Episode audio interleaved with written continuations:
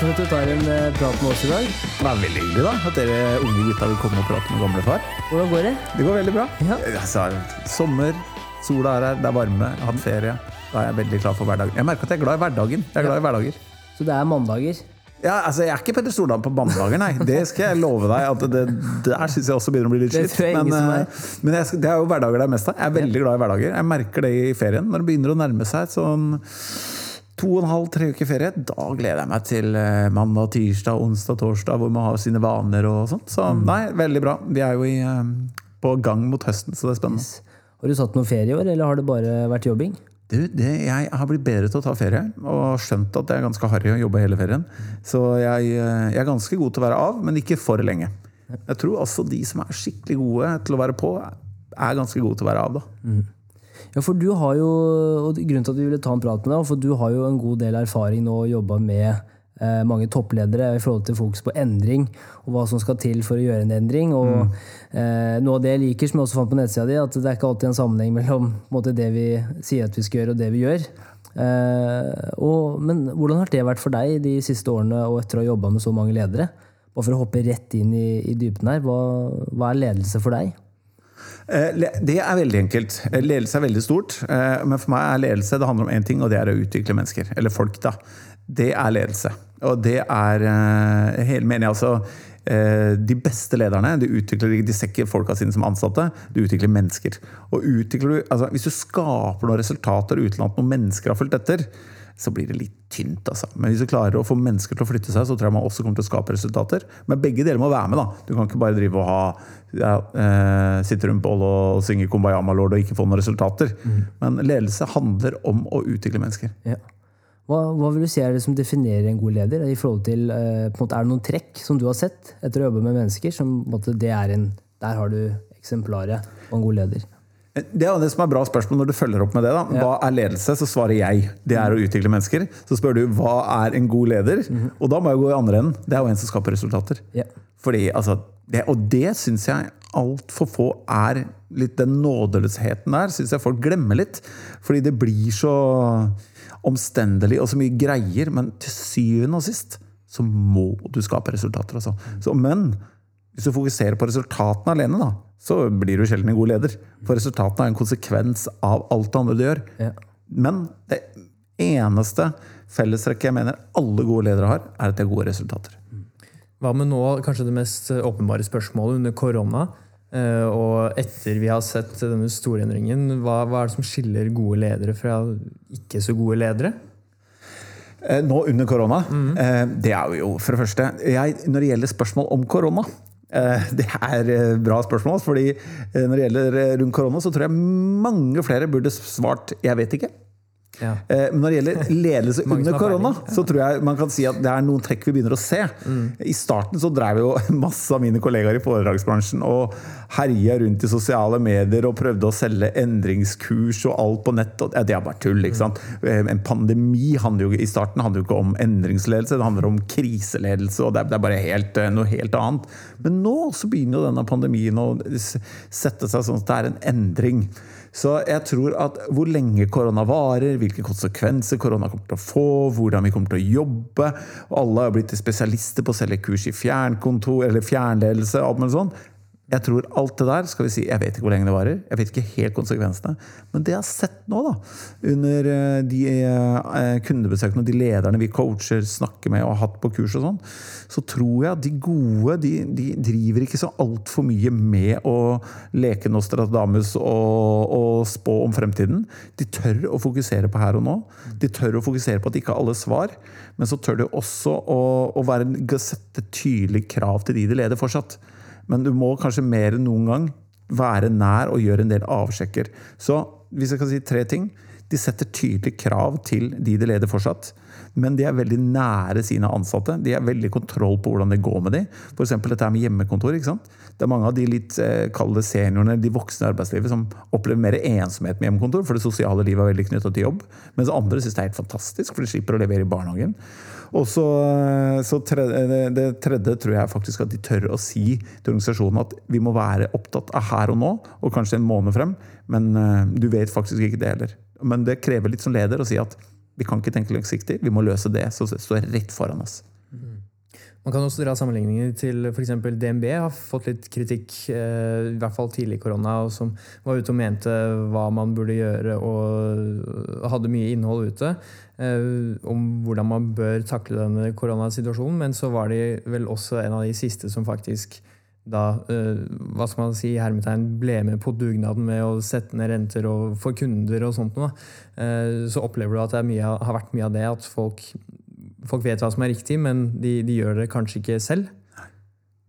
Og en annen ting som kjennetegner gode ledere, da, eller alle som er dyktige nå, er at de setter en sammenheng mellom det de vet de burde gjøre, og det de faktisk gjør. Mm. Men det er ganske krevende da, mm. å gjøre de tingene der. Men altså, det er jo en del som De er så lite kundeorientert. da. Se på meg selv når det gjelder DNB. da. Dere er ikke sponsa av DNB, eller? Eh, ikke som jeg vet om. Nei, nei. Hvis det må høre på, så Hvis, hvis du lar meg prate videre, så blir du ikke det. Så du kan velge om jeg kan svare på spørsmålet ditt eller ikke. Svar på spørsmålet. Nei, ikke sant? Det som skjer ofte, da, det er når man, når man blir sånn Selv om man sier at man er det, så er selskapers eh, fokus når de får en viss størrelse, en større utfordring enn konkurrentene. Fordi de blir så store at de blir så opptatt av seg selv at de glemmer kundene sine. Og det er jo det som skjer. ikke sant? Man blir så flinke corporate-messig, man blir så gode kommunikasjonsplan på hva man kan si, og så glemmer man faktisk hva man skal gjøre selv. Fordi image og merkevarebygging handler så mye om hva de har lyst til å vise fram, og ikke hvem de er.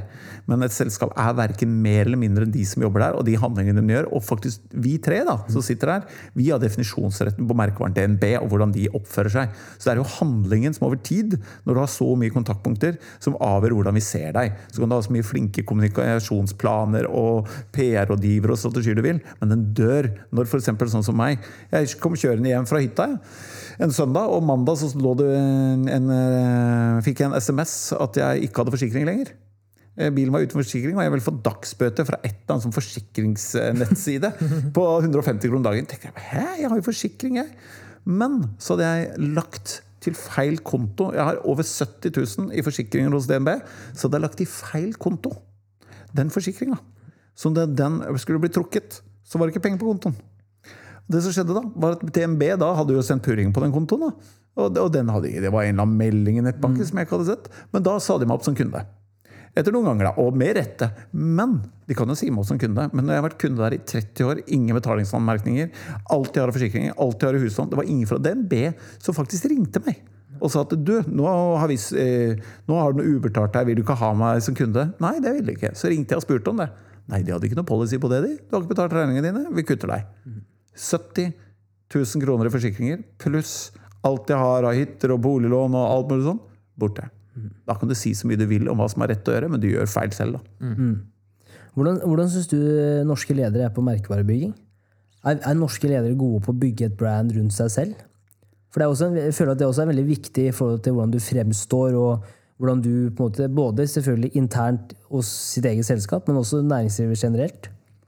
Ja, da tenker du um deres image som leder, altså mm. merkevaren Hvis du er administrerende, Henrik, deg som person, som mm. leder, merkevaren din. Mm. Jeg tror veldig mange er ubevisste. Jeg, jeg tror ikke jeg skal si at de er dårlige, eller dårlige til deg. Jeg tror jeg skal si at jeg tror veldig mange ikke tenker over det. Og jeg tror den derre eh, Det er noe som heter Joharis vindu. Jeg vet ikke om du har kjent på det, men det er det du ser, eh, som andre ser. Altså det vi alle ser. Og så er det det du vet om deg selv som andre ikke ser. Mm. Og så er det den farligste sonen, som er det du ikke ser, men som alle andre ser. Ja.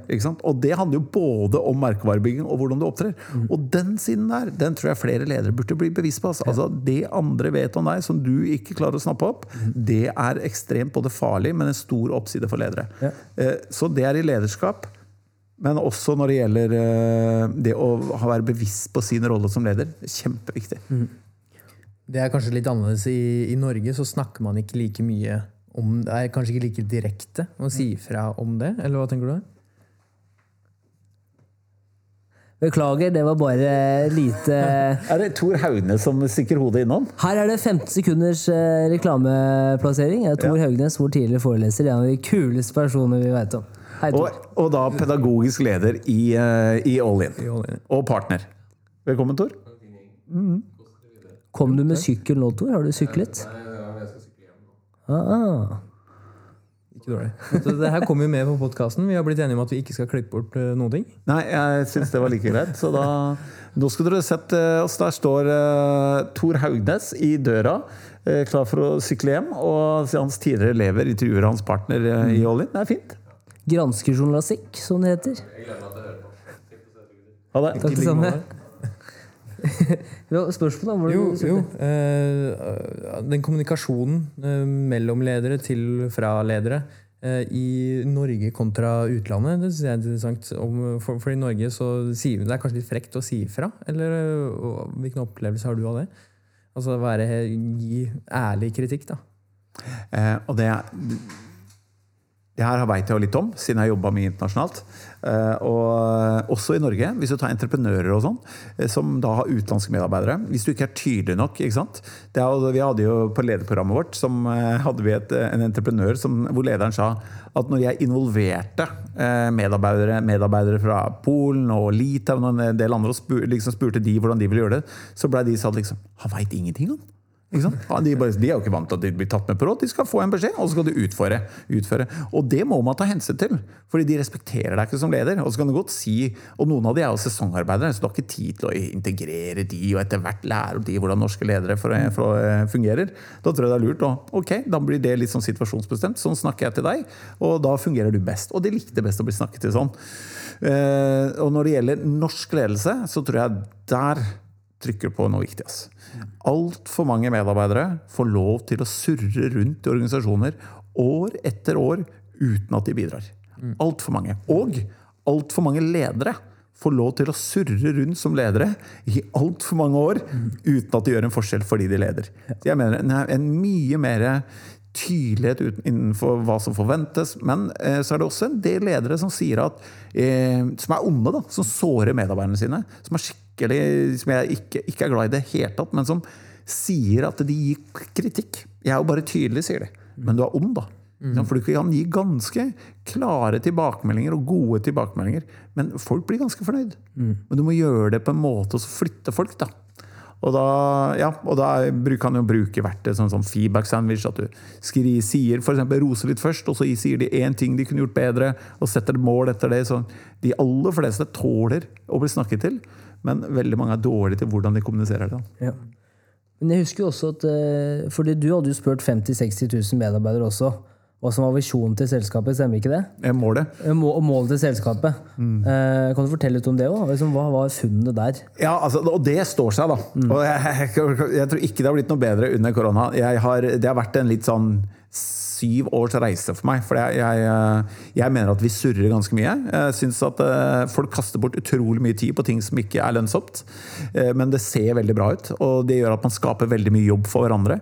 Og om det er det digitale skiftet, eller om Og selvfølgelig masse ting som virker veldig viktig. Men når du går tilbake til Når du snakket om endring i stad, altså, og endringer, det spørsmålet du hadde, Henrik, så er det liksom Det er ganske mye business, ganske mye i næringslivet som er konstant. da. Og jeg mener at forutsetningen for endring det er det konstante. Det som alltid har vært der, må være på plass. Og når det gjelder eh, mål, så må det være der. Jeg mener at det, For mål er mener jeg, tvillingbroren til mening. Det er så viktig at folk veit hvorfor de går på jobb. Fordi Hvis du skal klare å prioritere så Hvis jeg spør dere, da, hva er en viktig oppgave?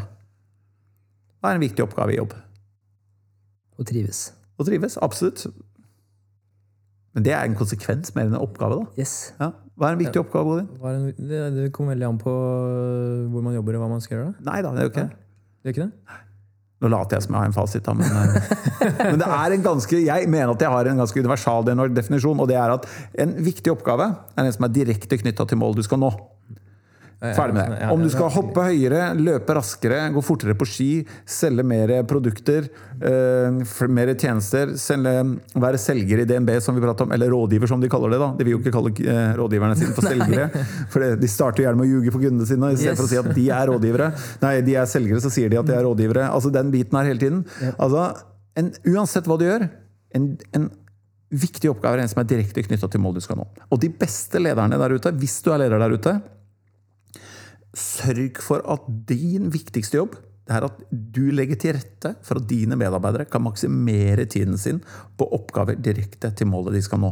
På lederprogrammene våre så er det kanskje noe av det vi jobber mest med. Å fjerne ting. Ta bort ting som ikke er lønnsomt. Og uh, Vi har gjort undersøkelser, og nå uh, vi har fått en ny pedagogisk leder, Tor Haugnes, som da har 20 år på BI og har ekstremt god kompetanse på dette. her. Han skal nå sette dette i enda bedre system. Men våre undersøkelser viser at under 10% vet sitt selskap sitt viktigste mål. Så prater ledere at det, og medarbeiderne er ikke så motivert. og Kan du holde litt motivasjonskurs? Nei, vi kan starte med dere, lederne. Altså, Hvorfor går du på jobb? Det må du vite. Og du må vite selskapets mål. Og så spør vi da, men avdelingen din, da, de du jobber med hver dag, som du ser mer enn kona di, mannen din, barna dine, de som du virkelig bruker mest tid med, hva er deres mål? Under 13% Det var faktisk 14-15, nå ser vi mellom 13 og 14% vet avdelingen sin mål. Og hold dere fast, da. Hvor mange prosent tror dere vet sitt personlige mål? Altså, hva går jeg på jobb for? Hva er mitt mål? Mange tror du vet det? Ja, det må være mye flere. Ja, Mange, mange prosent tror du? 60 prosent Hva tror du? Tipper 70. Under 20. Under 20% vet sitt personlige viktigste mål på jobb. Og da, hvis vi går tilbake til det jeg sa, at forutsetningen for å lykkes ligger i det konstante, det som alltid har vært der. Gode ledere vet du, de har dette på plass først. Mens ganske melloms ledere som fremstår flinke.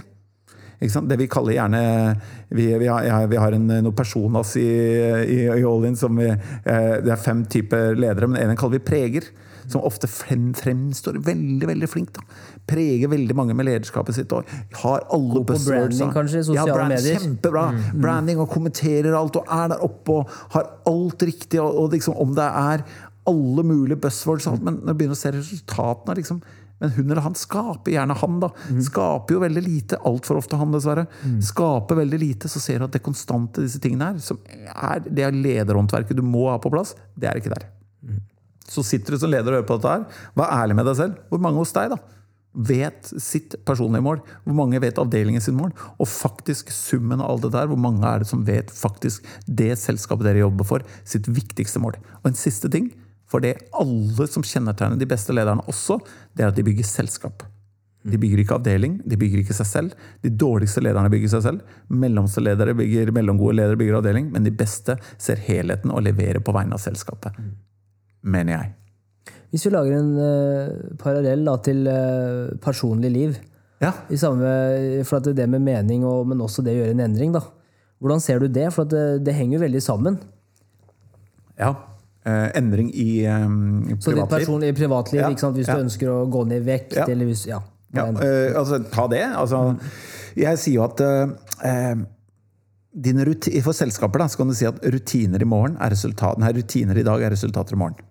Forstår dere hva jeg mener med det? Altså mm. De selskapene som har gode rutiner, som da er knytta til målet. Hvis vi har et selskap hvor rutinene gjør at de ansatte maksimerer tiden sin knytta til målet, mm. så er det jo bare spørsmål om tid før det går bra. da. Så lenge målet er riktig. Oppgave knytta til mål, og rutiner som sørger for at de gjør det. Og det som er rutine for selskaper, det er jo vane for mennesker. Enig? Mm. Altså, og jeg sier at dine vaner i dag er dine resultater i morgen.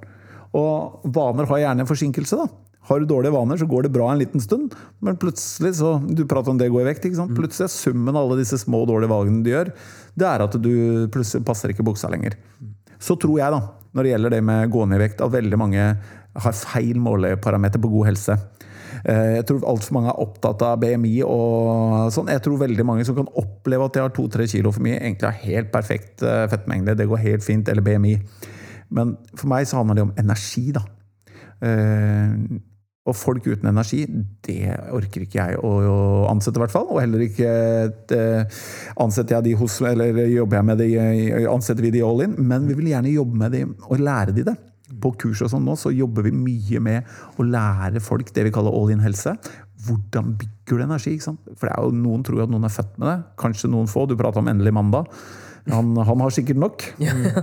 Men så er det andre som må lære seg hva er gode vaner. Hva putter du i deg? Hvor mye bør du trene? Hvor mye bør du sove? Hvor mye bør du være sammen med familien din? Eh, og den biten her, da.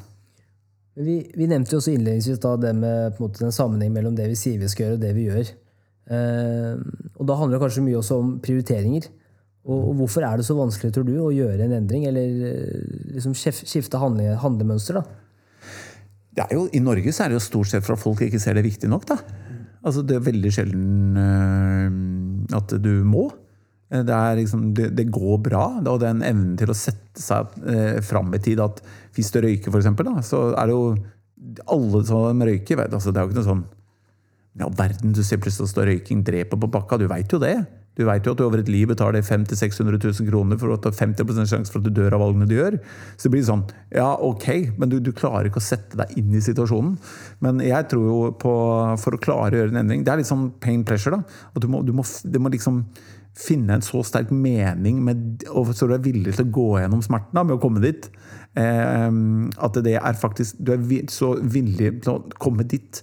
Ønsket om å komme dit er sterkere enn å bli i den komfortsonen der du er. da.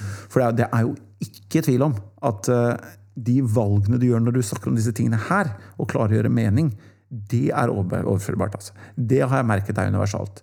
At hvis du lykkes med en endring eller når mål på en, noen deler av livet, så er det mye lettere å nå det på andre deler av livet. For det her ligger bare i den gjennomføringskraften av en Jeg syns jo folk er dårlige til å ha det litt ubehagelig. Da. Er, vi er dårlige til å ha det ubehagelig. Vi har det for godt i Norge, ikke sant? Ja, det går bra uansett. Ja, altså, vi har det for godt i Norge. Det er de i Norge som har det skikkelig dårlig. Det er det, altså. Men det er grunnen til at en, en del blir provosert av meg når jeg sier at du har ikke vondt nok. Og da sier de ja, er du klar over at det er ganske mange folk i Norge som har det ubehagelig? Det er så og så mange som lever under fattiggrensa. Altså, ja, sier jeg, men det er ikke vennene dine. Det er ikke de som hører på denne podkasten. De gjør ikke noen podkast om ledelse og hvordan du skal De har helt andre problemer. Altså, Folk har jo som regel ikke store noen problemer. Altså, De må få seg andre ting å fokusere på. Det ser jeg jo under korona. Hele Norge har blitt sånn der angiver, driver og følger med på alle andre. Om de er sånn og de gjør sånn. og du så, altså, Vi er jo ikke bedre enn at vi tømmer hyllene for matvarer for naboen. Så, så problemet, globalt problem en periode var dopapir. Altså, det, den der endringen i forhold til å klare noe, så må man jobbe mye mer, mener jeg, med å besøke det fremtidsbildet. Da. Hva skjer hvis du klarer den endringen? Og hver, liksom, hvis man jobber med de tingene altså, Det er så overførbart til jobb og alt. Hvis du har dårlige vaner et sted, altså. Ikke lur meg til å tro at du er helt rå på andre steder. Men det er de som, le, som får Ledere vet du, har en tendens til, som jeg har sagt til en del ledere jeg har jobbet med, at hvis dette kosthold- eller treningsmålet ditt hadde vært en del av jobben din, så kollegaene dine, sjefen din og bonusen din hadde vært en del av den, hadde du gjort det da? Ja, ja. ja men da må jeg jo. Ok. Så da må du. Men det å faktisk redde livet ditt selv, det er ikke nok. Nei. Så det er tricky. Kanskje det vi snakka om, da, at det, det, det tar ganske lang tid før du merker konsekvensen av det. Eh, Men også det med Du har jobba med veldig mange personer og konsultert veldig mange. Eh, Og det jeg har hørt, i hvert fall, det er eh, motivasjonen til å gjøre den type endringer. Det kommer gjerne innenfra, og det må komme innenfra. Men hvordan er det å være en person som kommer utenfra, og skulle på en eller annen måte klare å endre atferden til personer utenfra? Da? Eh, to svar der. Først det med motivasjon. Er det noe jeg hater? Rett og slett, Jeg kan ikke fordra det. Det er det at folk sier hvor motivasjonen må komme fra. Altså De som sier at motivasjonen må komme innenfra, det er de som har sittet bak et skrivebord og samla inn masse data. eh, global, altså, og så har de en statistisk analyse som sier at det her er riktig motivasjon. Åh, jeg brekker meg. Jeg blir, jeg blir, altså, jeg blir så jævlig provosert. For de er sånn der, Hvis ikke du har indre motivasjon, og hvis ikke du eh, brenner fra det innenfra, eller hvis du er motivert av penger eller bonus eller status, så blir du dypt ulykkelig når du må målet ditt. Du gjør ikke det, altså. Du blir dritfornøyd når du når målet ditt. Og jeg har jobba med olympiske, eller toppidrettsutøvere og, og ledere som motiveres av penger og status. Men det aller viktigste med motivasjon, det er at den er din. Og det er litt dumt, Odin, hvis du merker at faktisk det å lykkes nå, den statusen, og at alle klassekamerater og venner av meg og alt skal si at jeg skal lage det killer digitale eh, markedsføringsbyrået, det skal bli så fett, og jeg skal få frigjøre meg økonomisk og alt. Og du finner at det får deg opp om morgenen. Det virkelig gjør at det bruser i deg. Så kommer det en, en eller annen som sier Nei, men det er ikke indre motivasjon. Det er feil motivasjon. Ja, skal, nei, men Da driter vi i det, da. Da må jeg finne noe annet. Jeg må begynne med noe annet. Ja. Ikke sant? Så det blir helt sånn dustete. For det er, ikke, det er, det er gjort på et sånn altfor sånn derre, eh, generelt grunnlag. Men de high performers, da, de som vi snakker med, som vi jobber med, som har lyst til noe altså, Eneste jeg spør, hva driver deg? Det må du jo finne ut. Og problemet med mange av de som ikke klarer endring, de er ikke dønn ærlige med seg selv. De leser eller hører noen andre som sier at det er klokt at du gjør sånn. Men drit i hva de gjør. Finn ut hva driver deg. Om det er Penger, status, at du blir for høyere selvfølelse, eh, selvtillit Uansett, jeg driter i det. Men spør hva det er. Finn ut, og det er jo det jeg gjør. Jeg, å komme utenfra er veldig enkelt. det. Fordi folk bruker mindre tid å tenke på hva de skal bruke livet sitt til, enn hva de skal på middag. Ha til middag. Ikke sant? I, nå i eh, juli, juni, juli, august hadde folk brukt like mye tid på å planlegge hvordan livet sitt skulle være, som de har brukt på yr.no eller pent.no. Altså, alle hadde jo funnet ut hva de har lyst til å gjøre, men det gjør vi ikke. Ikke sant? Så bare spør deg sjøl hva vil du gjøre, og spør masse. Og så bruk også tid på hvem vil du være. For hvem er mye kraftigere enn hva? Og hvis du får svar på hvem vil du være, da har du motivasjon. Og så du, kan folk gjerne bli provosert og forbanna på deg for at det driver deg, men bare stol på meg. Eneste som veit det er deg, for det kjenner du. Dere veit jo hvordan det er. Når du bare Helvete, jeg må legge meg litt, jeg må ha litt søvn, liksom. Ellers har du bare lyst til å kjøre. Det er motivasjon. Ja, For eh, jeg har lyst til å gå litt tilbake i tid òg. Jeg vet jo at du er, du er yngst av fire brødre. Forberedt? Yes. Ja. Veldig forberedt. Det kommer mer. Ja. Men du er yngst av fire brødre, eh, og, du sa også på et av de foredragene Jeg har jo hørt litt, jeg har gjort litt research, da. Men da sier du at du var på en måte siste forsøket på, for foreldrene dine at de skulle få, få en jente. Riktig. Når, altså, når, du har, jeg har en, når du har en bror som er 13, 10 og 7 år eldre enn deg, tre brødre, da tenker du ikke syv år etterpå at vi prøver en gutt til. Jeg kjenner meg igjen. Ja. Bare fra andre sida, for jeg har fire eldre søstre. Eh, Så jeg, jeg føler at jeg Du er gaven, du, da. Jeg er gaven. Ja, ja, ja. Jeg vil bare si det. bare for å få det fram. Jeg er en stesøster, da, men, men det som jeg skulle si er litt, hvordan var oppveksten din? For jeg husker også du sa at eh, du var oppvokst på Rødløkka, og, og, og, og mora di hun jobba på Ja, bra, bra, veldig bra. Eh, og så stemmer det sånn, det var før samlebåndet kom. Ja, ja. Eh, kan du fortelle litt om oppveksten din, og hvordan det var? Og Ja, hvordan er det eh, du har blitt Sigurd eh, Granmark? Det er, eh, og det tror jeg igjen for ledere. Eh, Still det spørsmålet Henrik spurte meg om nå. fordi det er å bry seg. Det er å bli kjent med folk, vite hva som driver de. Og altfor mange ledere vet eh, igjen spørsmålet ditt og din motivasjon.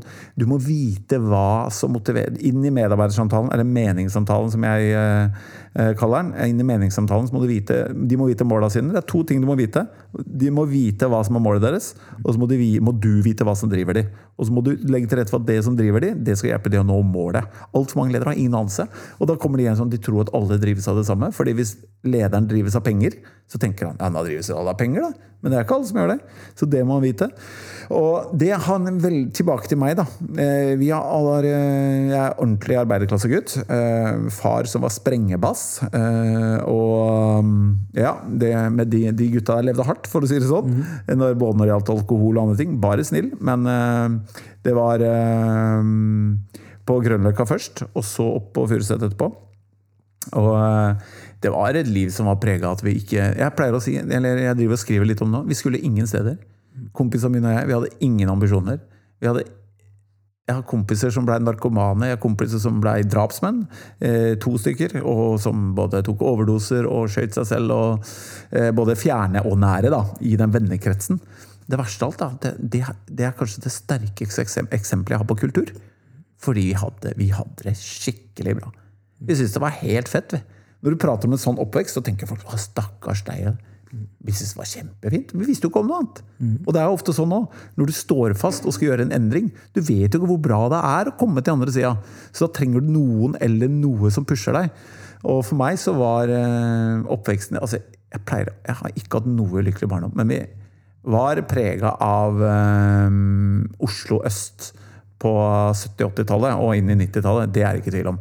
Men jeg hadde det bra, men eh, hadde det ikke vært for Mai, kona mi, så hadde det gått eh, jeg tror ganske mye dårligere enn det gjorde.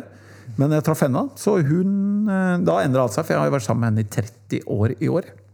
Gratulerer. Jo, takk for det. Ja, det er jo en stund. Eh, Så, eh, men når jeg var 17, så traff jeg Mai. eh, Og gjennom ja, et par år der så surra jeg mye fortsatt, med, mye med kompiser og sånn. Men hun lærte meg å bli en bra mann. Og hva, altså når du treffer nye mennesker, så begynner du å bevege deg ut av områder du har vokst opp og begynner å se andre ting. Da.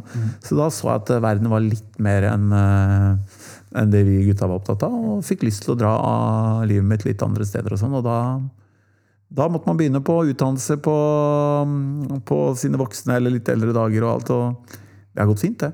Men bare, det er så rått eksempel på når du ikke vet bedre, så stopper liksom ambisjonene. For ingen, altså Jeg pleier å si at omgivelsene dine vinner. Du blir som dine omgivelser på sikt.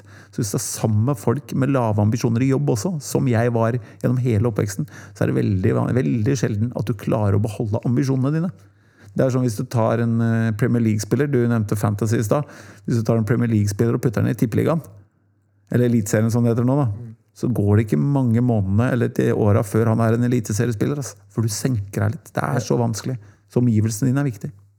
Men eh, for det er litt interessant i forhold til når var det du innså at du hadde potensial? For jeg hører deg prate, du er jo utrolig dyktig til å kommunisere, og jeg er sikker på at du er kjempedyktig i jobben din. Men når var det du liksom tenkte at dæven, Sigurd, kan faktisk, her kan jeg faktisk få til noe? Eh, jeg jobba jo på, på Furuset senter som badevakt. Da hadde jeg jo null ambisjoner. Men Jeg syns jeg hadde verdens feteste jobb. da. Kompiser, det var jo midt i episenteret der alle kompisene var hele tiden. Treningsstudio rett i andre enden av svømmehallen, og solstudio i høyre hjørne. Så da var jo 80-90-tallet helt glimrende for oss gutta. Sol, trening og svømmehall. Så nei, da hadde jeg ingenting planer om å gå noen steder. Men så traff jeg jo som sagt Mai, og så ble tida litt eldre, og så fikk jeg tilfeldigvis en, en jobb som uh, som eh, inneordremottaker noe som heter KEV. Høytrykksspillere. Fordi jeg spilla mye med høytrykk i svømmehallen. Så var eneste på en måte jeg hadde mulighet til å få noe erfaring fra. Så begynte jeg der, og så eh, sa de at jeg eh, fikk veldig bra tilbakemelding fra kundene på telefon. Og så plutselig skjønte jeg at oi, ja, det, jeg sitter jo og prater med kunder hele dagen. Jeg. Og så sa de, ja, jeg glemmer det aldri, de sa du vil du prøve deg litt som uteselger? Jeg tenkte jeg, uteselger? Jeg har aldri hatt noe forhold til uteselger så fikk jeg prøve meg Jeg fikk en prøveperiode på KEV. Han het Vidar Fiksdal, og, og, de ga meg muligheten i tre måneder, han og Per Sletten, hvis du noen gang hører på, å ha Hedmark og Oppland. Da skulle jeg til Maxbo og overalt der og selge høytrykksspillere. Jeg, jeg, jeg, kunne ikke fatte at jeg fikk betalt for det. Altså, Det er det feteste jeg har gjort. ass. Jeg fikk en firmabil. Jeg tenkte, er det sant? Og, og kunne bare kjøre ut og møte mennesker og bare selge varer. Og, og, og, etter det så skjønte jeg at mennesker kan man jo styre. da, At du kan være med å påvirke folk og gjøre de valgene de gjør. Og jeg har alltid elska salget, da, den kommersielle biten. Så jeg, ikke, jeg, tror jeg skjønte at jeg hadde en evne til å selge varer og tjenester og påvirke folk, før jeg så at det kunne føre til noe potensial på business. Litt lang svar, men det var da virkelig jeg skjønte at oi, jeg klarer å nå fram til folk med noe. Men akkurat da var det, altså å nå fram med noe, det var en høytrykksspiller. Mm. Hvor gammel var du da? Da var jeg 24 til 23, tror jeg. Ja. 24. men så skjønte jeg da at jeg henger jo etter. Jeg skjønte at jeg har brukt litt mye Eller nei, 22 er vel. Jeg har brukt litt mye tid på å surre her. Så jeg skjønte jo da at jeg hadde dårlig tid. Eh, men så, så, fikk jeg jobb i så solgte jeg, en, Mens jeg studerte på ja, BI, som dere har gått, så solgte jeg høy, nei, eh, kontormaskiner i Oslo ved siden av. Eh, men så fikk jeg jobb i noe som heter Oki, i databransjen. Og da skjønte jeg at Jeg mener jo, da, selv om det er veldig harry å si det, og veldig mange ikke er enig, så tror jeg en del år, og gjerne helst før du får barn, så må du jobbe mye. Fordi det er altfor mange som er gode, som er villige til å jobbe mye. Som, hvis du er god og ikke jobber mye, så tror jeg du taper. Men når du ikke har barn, hvis du har et sted hvor du trives, men du har en kjæreste du må ta vare på, så tror jeg det er veldig lurt. Og da jobba jeg ekstremt mye eh, før vi fikk barn. Og sikkert for mye når vi fikk barn òg. Men eh, da skjønte jeg at dette her går jo. Mm. Det, det, er to ting der. Det første er jo i forhold til eh, hva er det som motiverer deg i dag, kontra La oss si etter du ble 24 år. Hva, du, måte, hva var, det, var, det, som driver deg? Ja, uh, ja bra spørsmål. Når, før, altså, jeg mener jo igjen din motivasjon er din. Men jeg tror at det som kjennetegner folk oftest som jeg har lest alt for, Hadde jeg hatt litt mer forskningsmidler Nå får jeg med Tor Haugnes, da. Det kommer til kanskje å bli han forsker litt på det. Ja, han kan jo finne ut av det. Jeg mener at motivasjon Ofte så motiveres vi av i hvert fall alle de samtalene jeg har hatt det vi har minst av, eller har hatt minst av. Gjerne når vi var litt yngre. For eksempel, jeg tror folk som motiveres av penger, kanskje har hatt litt penger, lite penger. da. Mm. Hatt litt lite å rutte med. Og hvis du sier til han i Kenya at uh, du skal ikke motiveres av penger, så kommer han til å si at vi bor i en sånn liten basthytte her. Hvis jeg vinner, så kan jeg sørge for livet mitt, barna mine, barna mine og oldebarna mine. Så penger gjør at jeg løper. Uh, og samme var det med meg. Jeg tror I starten så var jeg ganske pengedrevet. Og, og det, det var så kult å få bonus, da. Det var så, provisjon bare For meg Jeg kunne motiveres vært å gå og knakke dører hver dag i Oslo sentrum. Hver dag! Med en laminerings- eller makuleringsmaskin eller frankeringsmaskin eh, under armen som sto nede i bilen. Hver dag! På at jeg bare lurer på hvor mye provisjon står det nederst på lønnsslippen. Ikke si til meg at det var feil da. Nå, hva som motiverer å drive meg nå, det er å utvikle folk. Det er, altså, ikke at jeg har så mye penger, det, det, men penger nå, det driver meg lite. fordi eh, de, det jeg driver med nå, går bra. Eh, Jeg er fortsatt veldig, så det er veldig gøy å når kundene betaler en faktura som er god, men det som driver meg, er at kunden er fornøyd. Så det, og det er kunder for meg er jo menneskene. Så utvikle mennesker, og det å si at jeg har en, et mål, og det er å etterlate alle folk bedre. Før jeg, nei, nei, etterlate alle folk bedre når jeg har truffet dem før jeg traff dem. Det er det målet mitt. Og det, når jeg klarer det, det, ja, det gir meg bensin. Og det er krevende å gjøre det. Det er interessant du nevnte med at uh, hvis penger er motivasjon, så er det kanskje fordi man har hatt litt dårlig råd under oppveksten. Men da når man, uh, hvis du har ganske god råd da, og har barn, så blir det kanskje ekstra krevende å uh, motivere de? Eller? Ja, eh, to ting på det. Hvis du f.eks. også har hatt eh, foreldre med mye penger, da, men så hatt en far som eh, mener at du skal bli like flink som han, så har han gitt deg litt lite anerkjennelse. da. Hva tror du ville motivert deg? Anerkjennelse? Jepp. Ikke sant? Så, og det er noe som heter, det er en sånn løvetannstudie i USA som viser at de sånn self-made millionaires da, som eh, sier at det som har de spurt i hva er du mest stolt av? Jeg husker ikke hva studien heter, men man finner den hvis man googler. Hva er du mest stolt av at du har lykkes med? Det har de spurt disse millionærene i dollar. da, mange, altså Over 10 millioner dollar eller noe sånt.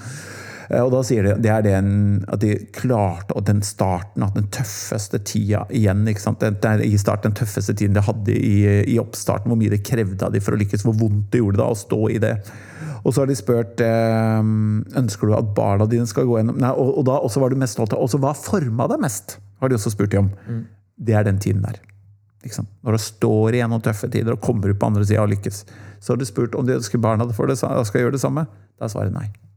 Fordi det gjør så vondt. ikke sant? Så du ønsker jo ikke at de du bryr deg mest om, skal gå gjennom det samme, selv om du vet det er det beste for dem. Og det er en ganske sånn spennende tvist. da. Fordi eh, når, når du da skal holde på med barn og utvikle barn, så noe du skal gjøre som forelder, da, det er jo faktisk noen ganger, og også som leder, holde deg unna.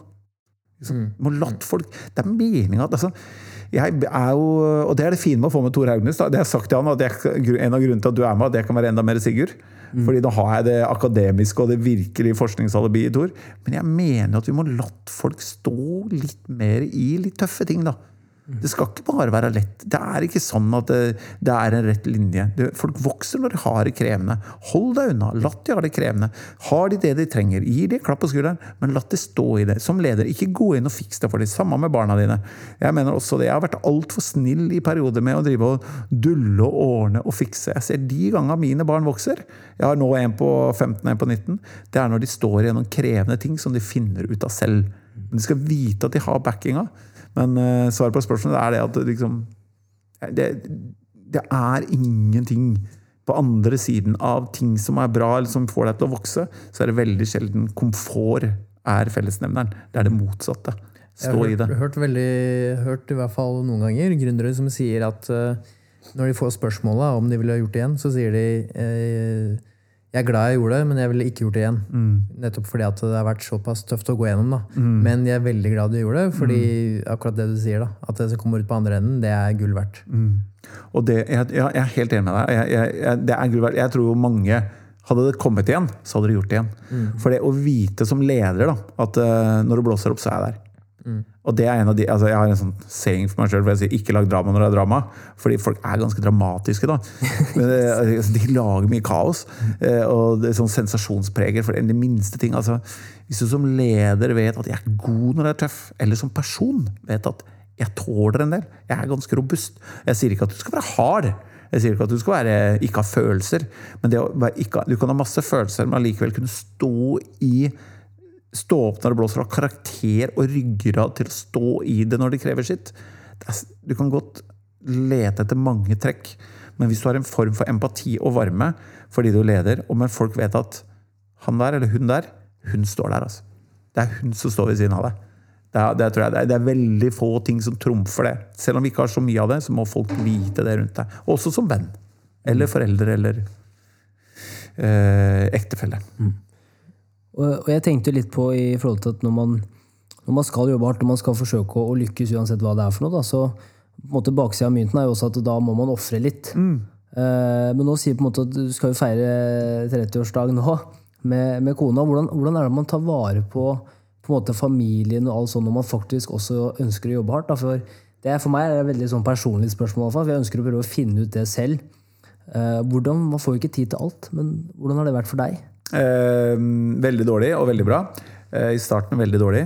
Eh, fordi jeg, jeg slet altfor mye med overgangen fra når Mai og jeg var Mai og meg, til vi fikk Sara. Nå jobber jo Sara i All In nå. Nå er hun ansatt i mitt selskap som grafisk ansvarlig, så det er veldig gøy. Men når hun kom, så hadde jeg vært på noe For eksempel, når hun ble født, så dro jeg på Kiel-ferja med kunder. Jeg var, så når Sara og Mai kom hjem, så dro jeg rett på Kiel-ferja på kunde. Jeg tenkte det går jo fint, det er bare en liten halvmeter som ligger der og sover. Så, men Mai hadde jo aldri hatt barn før og satt der alene hjemme og, og gråt. da. Så helt håpløs vurdering. Eh, Så jeg lærte jo mye, men reiste altfor mye de første fire-fem åra Sara var Men så etter hvert så skjønte jeg at dette går jo ikke. Så de siste 10-15 årene så har det vært veldig bra. Og du får til begge deler. altså. Men du må kanskje velge en 6-7-8-9 år må du faktisk nedprioritere litt kompiser. Det er ikke den golfturen, det er ikke den fotballturen. Det er, eller kanskje det er det det er, den ene fotballturen. Men det er ikke, det, det er ikke noe sint på deg for at du ikke får tatt en øl med gutta på fredag, eller med venninne, tatt en glass boble med venninnene dine. Den, det er det ikke. Da må du gjøre noe valg. Og det er helt fair. Det mener jeg det er helt fair. Altså, det er jo ikke noen som trenger ikke være noe lykkeligere enn sidemann for at det sannsynligvis I hvert fall ikke hvis du er leder. Men hvis du har bestemt deg for å være leder i en periode, så må litt kompiser, litt venninner ut hvis du har fått barn. Fordi du, Det viktigste tittelen du har, er mamma og pappa. da. Det, er altså Bare dropp det. Ja. Men du må bare prioritere det. Men du ofrer jo ingenting. Altså, du ofrer jo ingenting. Og så tror jeg folk må styre døgnet sitt. Jeg ganske, har et ganske bra regime på hvordan de styrer døgnet sitt. Folk må bare styre eh, tida si helt annerledes. Så kommer du til å få til det. altså. Hvordan ser en uh, suksessfull dag ut for deg? Altså, hva er en, Ikke en perfekt dag, men også på en måte, hvordan er det du sørger for at du funker i hverdagen? For det er jo, det er jo, ikke, det er jo ikke hverdag, men det er hver dag, som du sier. Hvordan, hvordan funker du? Det er jo så dritkjedelig, vet du, for det er helt likt. Men jeg er jo sånn ekstremt opptatt av kraften av vaner. da. Og har, jeg har, vet hva, jeg har testa så mye, gutter, at jeg, i de siste 15 årene Jeg tester noe hele tiden. altså Om det er kompiser, venner eller kunder. De, det, jeg har alltid prosjekter som jeg gjerne vil teste ut på andre og alt.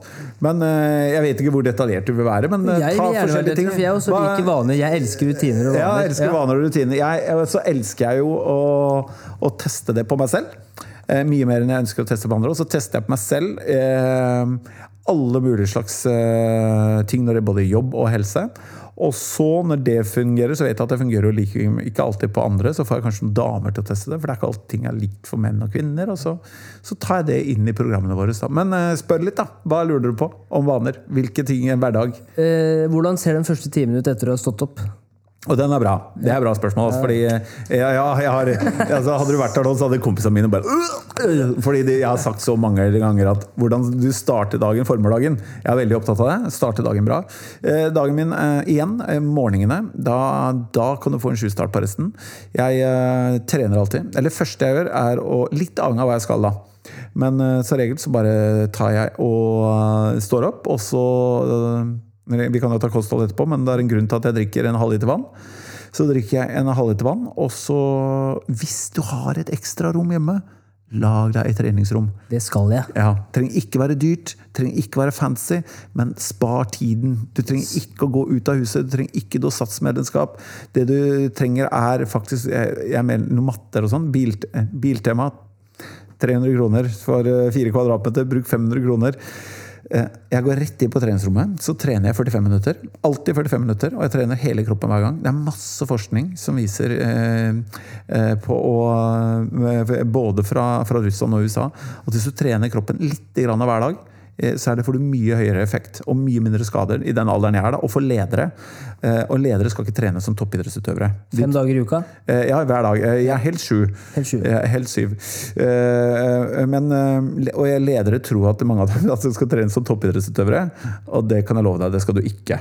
Fordi jeg har eid et skilag også i fire år. Team Benbank. Hvor, hvis du hadde prøvd å trent som Øystein Pelsa Pettersen eller Simen Østensen, du kan du bare droppe å gå på jobb etterpå. For de ligger og sover når de toppidrettslederne er toppidrettsledere og tror du skal dra dit. Jeg har sett en professor, norsk professor på Berkeley som sier at ledere, norske ledere bør trenes som toppidrettsutøvere. Det er bare tull. Da har du aldri vært toppidrettsutøver eller toppleder. Jeg har sett de som har vært med på Norseman, eksempel, og som også er toppledere i næringslivet. Det er jo, da kan Ja. du snakke om ofre. Ja, altså der, ikke sant? Jeg har jo Henrik Oftedal, eh, tidligere rekordholder i Norseman og tre ganger vinner, har jeg jobbet mye med. Også vært med og sekundert han og vært langer på Norseman. Og han er jo helt ekstrem. Eh, En del av de som er gode der, eh, er jo helt i grenseland, selvfølgelig. Problemet er at du blir mye syk. Problemet er at du, du føler at du er flink, men du er stort sett sliten. Du sover for lite. Du er veldig ofte tror at du har energi, men du er ikke våken nok. Og jeg, jeg tror at de aller fleste ville, som ligger på 700-800 timer som ledere, burde ha hadde mye bedre helse. Mye bedre ledere som 300 på 300 timer. Eller 400-500 timer. Men så spørs det, hvis det Norseman-greiene er så viktig for deg, så gjør det. Men ikke gjør det for å bli bedre leder. Eh, og i hvert fall ikke for å bli bedre pappa, for du er bare borte.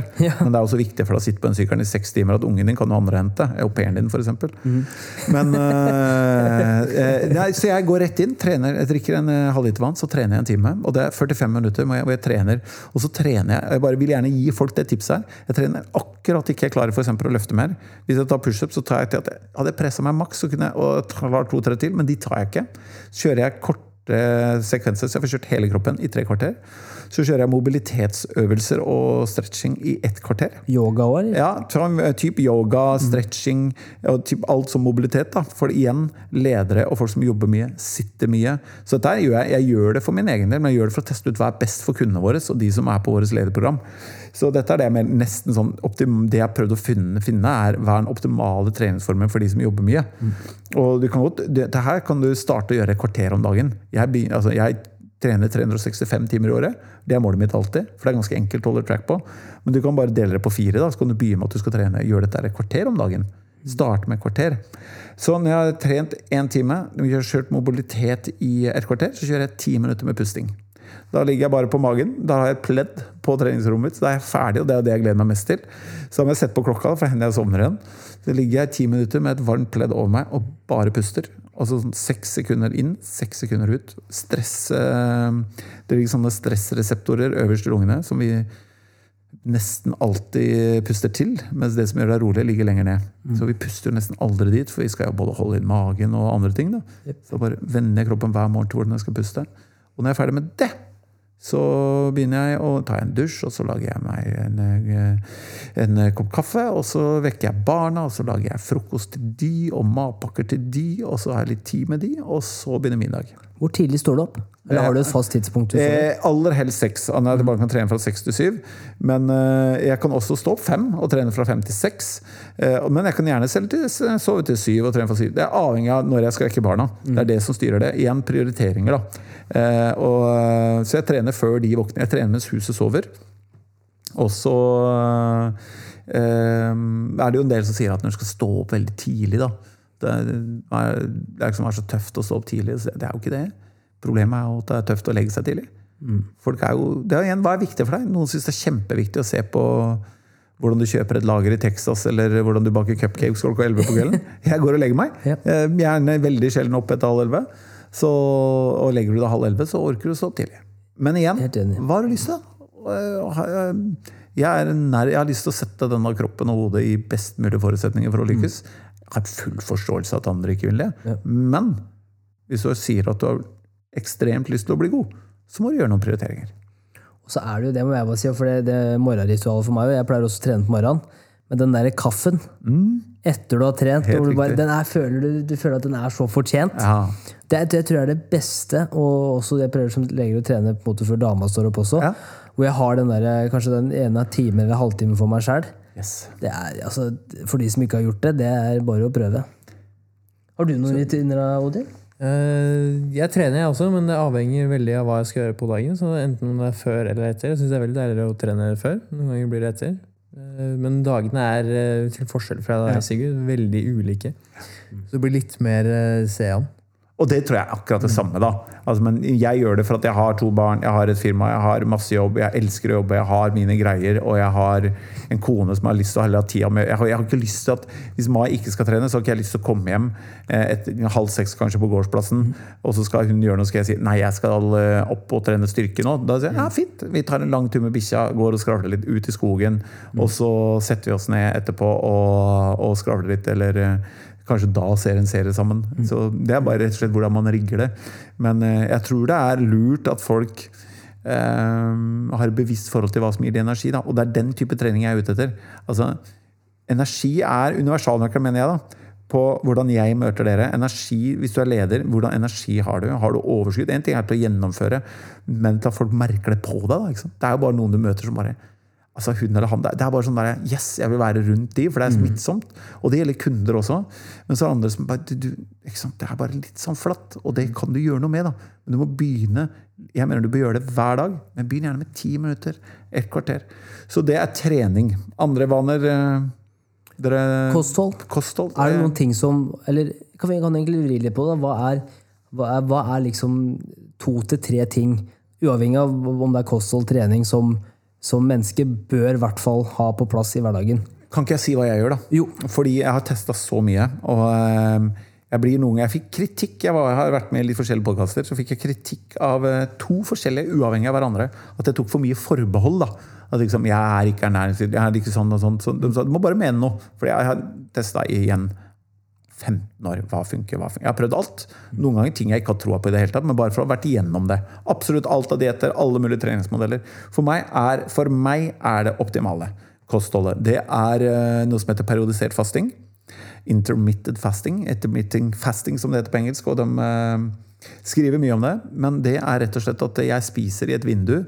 Det varierer. Nå har jeg gjort dette her en stund, men det er ca. ti timer i døgnet jeg spiser. Så er det 14 timer da, så må jeg bare drikke kaffe og vann. Eh, og det ser så enkelt ut som at eh, på morgenen så starter dagen med en halv liter vann. Og det bør alle gjøre, uansett uavhengig, for du blir dehydrert på kvelden. Start med å drikke mye vann. Ulempen er at du må tisse mye, da. Og så spiser jeg bare drikker jeg vann og kaffe. Svart kaffe, ikke noe melk, ingenting. For det spiker blodsukker, og du skal ikke ha i deg det. Fordi da får kroppen tid til å fordøye. Si, eh, du, du, får fornye cellene dine. Det, kroppen den trenger stress hver dag. Den må bli utsatt for en stress. Den må kjenne seg sulten. Det er forskningen som viser at disse alders longevity-forskningene, altså disse cellene, det som gjør at du skal leve lenge, de dør, for de blir aldri utsatt for stress. Fordi vi bare spiser og spiser. Og David Sinclair, han fremste alders, den, på, som er fremste forskeren på de som lever lenge, han sier jo at periodisert fasting er det beste for det. Så for meg har ikke kosthold bare med hvor mye jeg veier. Jeg har ikke noe mål om å veie minst mulig. Så derfor praktiserer jeg det. Spiser jeg lunsj ja, rundt tolv, da. Og da spiser jeg sånn som jeg kjører som regel innom jeg, vi har fått nye kontorlokaler, som dere er i nå. Mm. Jeg var over på et, en salatbar Bi, tror jeg han het, på Solli plass. Kjøpte meg en salat. Og, og, min store synd det er Cola Zero og Pepsi Max. Synes jeg veldig Hvis jeg dør av det, så får det være greit. Det unner jeg meg ofte til lunsj. Hva tror dere det kosta for en salat og en Pepsi Max? Der har jeg handla, så jeg tipper at det var sikkert økt så jeg handla òg. 110? Nei, 327 kroner på en salatbar. Nei. Jo, jeg kjøpte meg Hun plukka og Er et ran? Ja, så den tenkte jeg, det går ikke. Så lunsj kjøper, stopper jeg innom Meny eller en sparbutikk hvor de har en kjøttdisk. Kjøper jeg noen koteletter eller et eller annet, går jeg i salatbaren. Så rundt lunsj så putt, stapper jeg oppi det. Prøver, Hvis du driver med periodisert fasting, så bør det første måltidet være veldig lite karbohydrater. For det er som en svamp når du først får deg mat. Så holder jeg alltid hvitt mel, pasta og brødmengden nede. Det er ikke sånn at jeg aldri spiser det, men jeg spiser minst mulig av det. Mer brun ris og den biten der. Og så masse proteiner. Veldig mye grønnsaker. Masse, bare dytt i deg. Drikke mye vann. Lite karbohydrater på kvelden. Og kose meg på lørdager. Gjerne et gilde på lørdag. Det er kostholdet. Og det funker som juling. altså. Ja. Det funker skikkelig. Men i hvert fall når det gjelder Det kan godt hende noen sier ja, jeg kunne ønske at jeg kunne gått ned litt mer, men kjenn på energien din. Det med fasting det er det har jeg prøvd de siste ukene. At jeg på en måte ikke spiser frokost, eller jeg spiser ikke før 11-12, og så slutter jeg å spise sånn i 50 dagen før. Oi, så tidlig, ja. Ja, og det er litt, Nå har det gått litt opp og ned, for jeg er veldig glad i mat. Men jeg prøver så godt jeg kan. Og i hvert fall det med frokosten. At jeg merker at blodsukkeret mitt går ikke Jeg krasjer ikke i totida sånn som jeg pleier å gjøre når jeg ikke spiser, eh, når jeg ikke spiser frokost. For da, da klarer jeg på en måte å fokusere 100% og jobbe, sånn, jobbe dypt. da. Og det, det, det vil si, all, all forskning viser jo det. Altså, skal ikke jeg si altså, Folk må gjøre det som fungerer, men jeg tror det aller viktigste er at folk må finne ut hva som fungerer. Og vær så snill, da, ikke bare gå etter om du har ruter på magen. Altså, det ingen, jeg tror ikke det er sammenheng mellom sixpack og vellykkede ledere. Jeg tror det er sammenheng mellom ledere med masse energi og overskudd og godt lederskap. Og det tror jeg gjelder mange. Men det, du, det, man også, det jeg også liker veldig godt da, med periodisert fasting, er at hver dag altså Tenk deg det, jeg har gjort dette her i flere år, men hver dag så er jeg litt på frokost. Hver dag så må jeg ta en runde med meg sjøl. Når jeg er ferdig med å trene, herregud, jeg har lyst på mat. Men da gjør jeg noe som krever mye av meg, hver morgen. Og for meg så er det altså, disiplin. da. Folk liker ikke disiplin, men disiplin er bare så sykt viktig. Så hver dag er bare det å vente med frokosten, og når lunsjen kommer da, og bare vite at når jeg nå stapper i denne kroppen her et berg med salat og frukt og kjøtt, da liksom, da er det som en svamp på det. For meg så er det en sånn derre er, jeg sier til meg sjøl dette er bra. Du er disiplinert. Du, her er du flink. Det, det er viktig for meg som et sånt element, fordi jeg vet at jeg må gjøre ting som krever mye av meg hver dag. Da. Og det er så trenbart. Og da må du tåle også. Altså, du bør, altså For å si jeg må ha frokost mm, Du må nok ikke det. Eh, Men du er ikke villig til den ubehaget over en tid å ikke spise det. Men jeg skal ikke si at det er verdens beste diett, det er det jeg har funnet ut at fungerer best. Har, det, har du lyst til å gi, Er det noen råd du ville gitt til Sigurd på vår alder? Så hadde møtt han i, når vi skulle gått ut døra her nå, og gått ut på Solli og du hadde møtt han i døra, hva slags, hva slags råd ville du gitt han, eller hva ville du ha sagt til han, som du veit nå? Eh, Det her er bra spørsmål, fordi vi har akkurat bytta lokaler. Vi er nå i Henrik Ibsens gate 40, og vi har samlokalisert med Oslo Business Forum. Eh, Og vi skal gjøre mye spennende prosjekter med Oslo Business Forum. De gutta der de kan tilføre Tor og meg masse. Kristoffer og Marius og hele teamet deres. Det er vel eh, folk dere vet hvem er, tror jeg. Eh, De eh, gutta der skal vi tilføre masse gjennom vår kompetanse med å kjøre lederprogrammer og alt mulig sånt som vi skal gjøre sammen. Men det Kristoffer og Marius hadde, det var å ha troa på det umulige. Når de sier opp på BI, eller slutter studiene sine og starter og skal ha Barack Obama og Arnold Schwarzenegger og bygge den feteste konferansearrangementen i Norge, de, det er helt vilt. Skal jeg sagt én ting til Sigurd når han var eh, 22-23-24 år, så er det at eh, tenk større. Våg større. Og det, der er jeg fortsatt. Ennå som jeg bare tenker at nå må du slutte. Fordi altså Stort sett, da, forskjellen på vær så snill å huske det, forskjellen på næringsliv og toppidrett er at i toppidrett så går alle dit for å lykkes. Alle vil bli best. 80% av de som går på jobb i Norge, veit ikke hvorfor de går dit. Tenk deg når du bestemmer deg, da. Når du virkelig bestemmer deg. Du kan få til absolutt hva du vil. Du kan smadre alle, men du må da være villig til å bestemme deg. Altså så må du tørre å sette deg noen mål som huh, det er liksom, Shit, dette her er krevende. Men eh, en av mine favorittpersoner, og som jeg har intervjua flere ganger, det er Thomas Hylland Eriksen, sosialantropologen. Sosialantropolog Thomas Hylland Eriksen. Han sier at sett deg mål. De må ikke være for lave, for da gir du opp. De må ikke være så høye at du tenker at det er umulig for deg, for da gir du opp. Men sett deg mål som virkelig får deg til å Litt i tvil, men som virkelig syns det er Klarer jeg det, så blir jeg stolt av meg sjøl. Så jeg hadde satt meg en mål som var helt i den øvre skalaen. For det mangla jeg. Det skal jeg faktisk gå ut døra og gjøre nå, jeg.